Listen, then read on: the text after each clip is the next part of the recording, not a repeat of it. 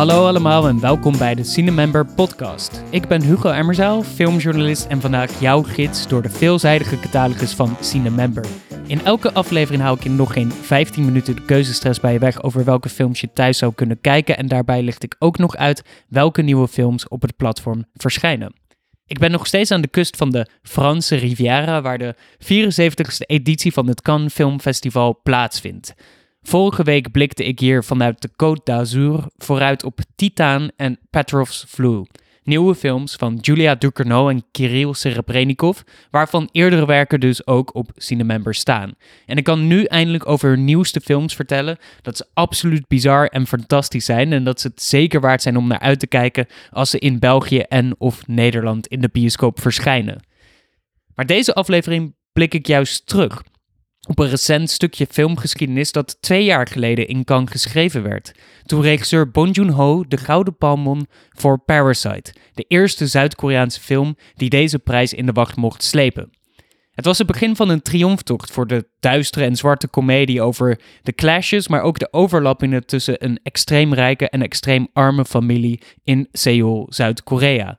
Talloze prijzen en festival screenings later won Parasite maar liefst vier Oscars in de categorieën Beste film, beste regisseur, beste originele scenario en beste internationale speelfilm. En om nog even in de EK-sferen te blijven, na deze hele triomftocht is Parasite Coming Home en staat hij sinds deze week ook op Cinemember. Een mooie gelegenheid dus om terug te blikken op misschien wel de meest succesvolle Zuid-Koreaanse film ooit gemaakt. Van een meesterlijke regisseur aan de top van zijn kunnen. Die toen ik hem in 2019 in Cannes interviewde trouwens totaal ontspannen en relaxed was. Een journalist vroeg hem toen of hij zenuwachtig was over het mogelijke winnen van de Gouden Palm, waarop Bong Joon-ho antwoordde dat hij zelf ook wel eens in juries van filmfestivals had gezeten en dat hij daardoor ook wist dat het hele besluit nog altijd op het laatste moment veranderd kon worden en dat hij dus zelf nergens op rekende. Twee dagen later en hij mocht zijn historische winst dus alsnog in de wacht slepen. Toen iemand hem ook vroeg hoe hij zijn eigen film zou beschrijven, noemde hij het met een glimlach een dark horror black comedy social satire action flick. Wat een goed begin is om te beschrijven wat Parasite zo bijzonder maakt. Het verhaal over een arme familie die met list en bedrog hun weg in het leven van een prisonrijke familie werken is heel simpel, maar de uitwerking is bijzonder verfijnd, veelzijdig en gelaagd.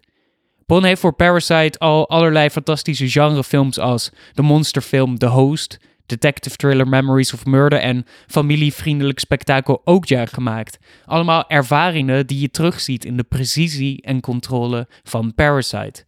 Bond weet namelijk precies in beeld te brengen hoe de arme familie zich verhoudt tot de rijke bovenklasse en speelt vervolgens de hele tijd met onze verwachtingen en aannames. Veel van jullie hebben de film vast al gezien, maar ik durf alsnog niet te verklappen met wat voor een twists en turns Bond komt aanzetten in zijn onvoorspelbare script, dat de film op hele belangrijke momenten volledig op zijn kop weet te zetten. Ik kan me ook nog precies herinneren hoe sommige van die momenten van Parasite in Cannes als een schok door de zaal gingen. Wat hier natuurlijk wel vaker gebeurt, omdat een zaal vol met journalisten soms wel erg vatbaar is voor wat een film kan doen. Zeker als die op de grootste doek hier aan de zuidelijke Franse kust speelt. En dus misschien waren onze reacties wel te overdreven. Dat vroeg ik me in ieder geval soms af. Maar sindsdien heb ik de film nog drie andere keren in de bioscoop gezien. En elke keer weer weet Bond zijn publiek opnieuw in vervoering te brengen op precies die juiste momenten. Het lag dus in Cannes totaal niet aan ons, maar aan de film, die elke prijs in Bonds trofeeënkast meer dan verdiend heeft. Als ik terug uit kan ben, moet ik dus Parasite misschien ook maar thuis op Cinemember opzetten om te kijken hoe die daar werkt en niet in de bioscoop. Al weet ik wel zeker dat het een fantastische kijkervaring gaat opleveren, omdat er zoveel elementen uit de film te halen en verder te bestuderen vallen. Het mooie van de film is dat die, ondanks zijn plotse gewelddadige uitbarstingen en zijn cheeky twists, gemaakt is door een enorm sympathiek en empathisch sterk persoon, dat met deze film de groeiende kloof tussen rijk en arm wou bekritiseren. Er zit een enorme liefde voor eigenlijk alle personages in de film. En die liefde staat naast een hele oprechte verontwaardiging met de staat van de wereld zoals die nieuw is.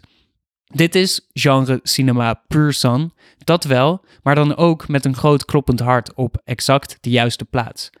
Bong Joon-ho is nu overigens weer terug in Cannes en gaf afgelopen week een rendezvous talk met het Franse publiek, waaruit blijkt dat hij ondanks zijn gigantische succes nog erg gewoon is gebleven. Hij zei: Ik had geen idee dat Parasite zo'n gigantische hit over de hele wereld zou worden. En dat succes had ik nooit kunnen verwachten. Al heb ik het precies zo gemaakt zoals ik elke andere film ook zou maken. En ik ben er niet door veranderd. Kijk naar me, zei hij. Ik zie er nog precies hetzelfde uit.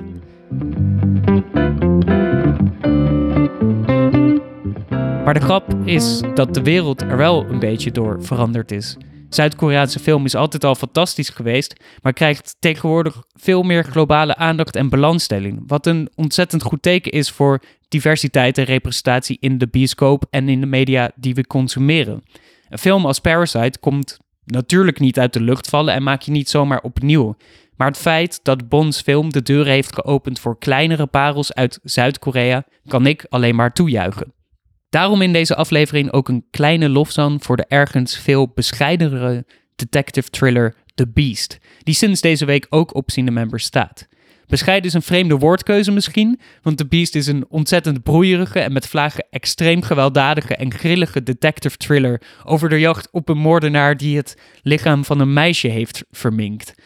De film van de debuterende regisseur Jan Ho Lee is denk ik enorm geïnspireerd door Bond's Memory of Murder, wat een geniale detective thriller uit 2003 was. Over een waar gebeurde zaak waar Bond een groot deel van zijn leven geobsedeerd mee was, omdat de zaak nooit was opgelost.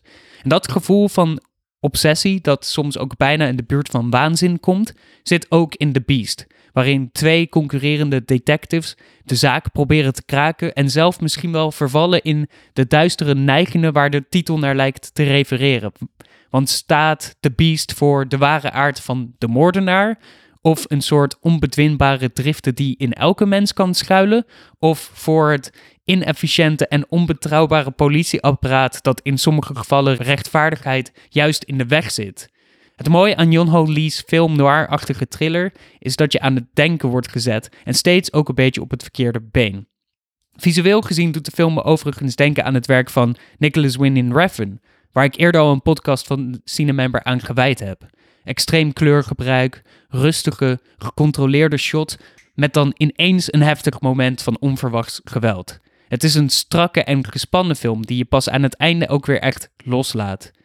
The Beast past in die zin ook in de sterke traditie van Zuid-Koreaanse genrefilms van onder andere Park Chan-wook en Kim Ji-woon, die mega intense films maken met een sterke filosofische inslag, omdat ze mensen laten zien die echt tot het uiterste gaan en bijna zichtbaar voor de camera breken en vervallen in oerimpulsen en onderdrukte driften. De met regen en bloed doorweekte finale van The Beast is dus ook zo'n memorabel moment. Dat op de een of andere manier bij de Koreaanse genrefilms altijd zo goed uit de verf komt. Wat dus ook best bijzonder is aan deze film is dat hij in Nederland in ieder geval eigenlijk niet in de bioscoop is uitgekomen. Terwijl hij zijn publiek geïnteresseerd in de genre cinema uit Zuid-Korea wel volledig verdient. The Beast en Parasite dus. Een iconische en een verborgen parel van de Zuid-Koreaanse film sinds deze week te zien op Cinemember.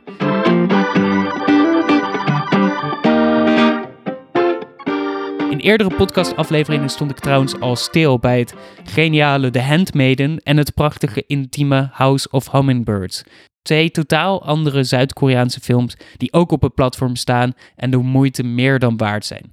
Sterker nog, ik zou bijna willen dat ik zo weer naar huis zou mogen om ze zelf op te zetten. Al heb ik het geluk dat ik morgen naar de nieuwe film van Honsan So ga, wat een van mijn favoriete regisseurs uit Zuid-Korea is. Dus ik kom vanuit de Franse kust gelukkig ook aan mijn portie Zuid-Koreaanse cinema. Dat gezegd hebbende, duik ik zo weer de bioscoop in. Volgende week ben ik weer terug in Nederland met een nieuwe aflevering van de Cinemember podcast.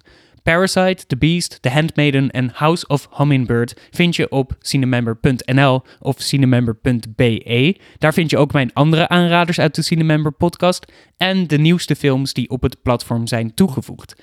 Op de ontdekkenpagina kan je daar ook gelijk je eigen filmselecties maken.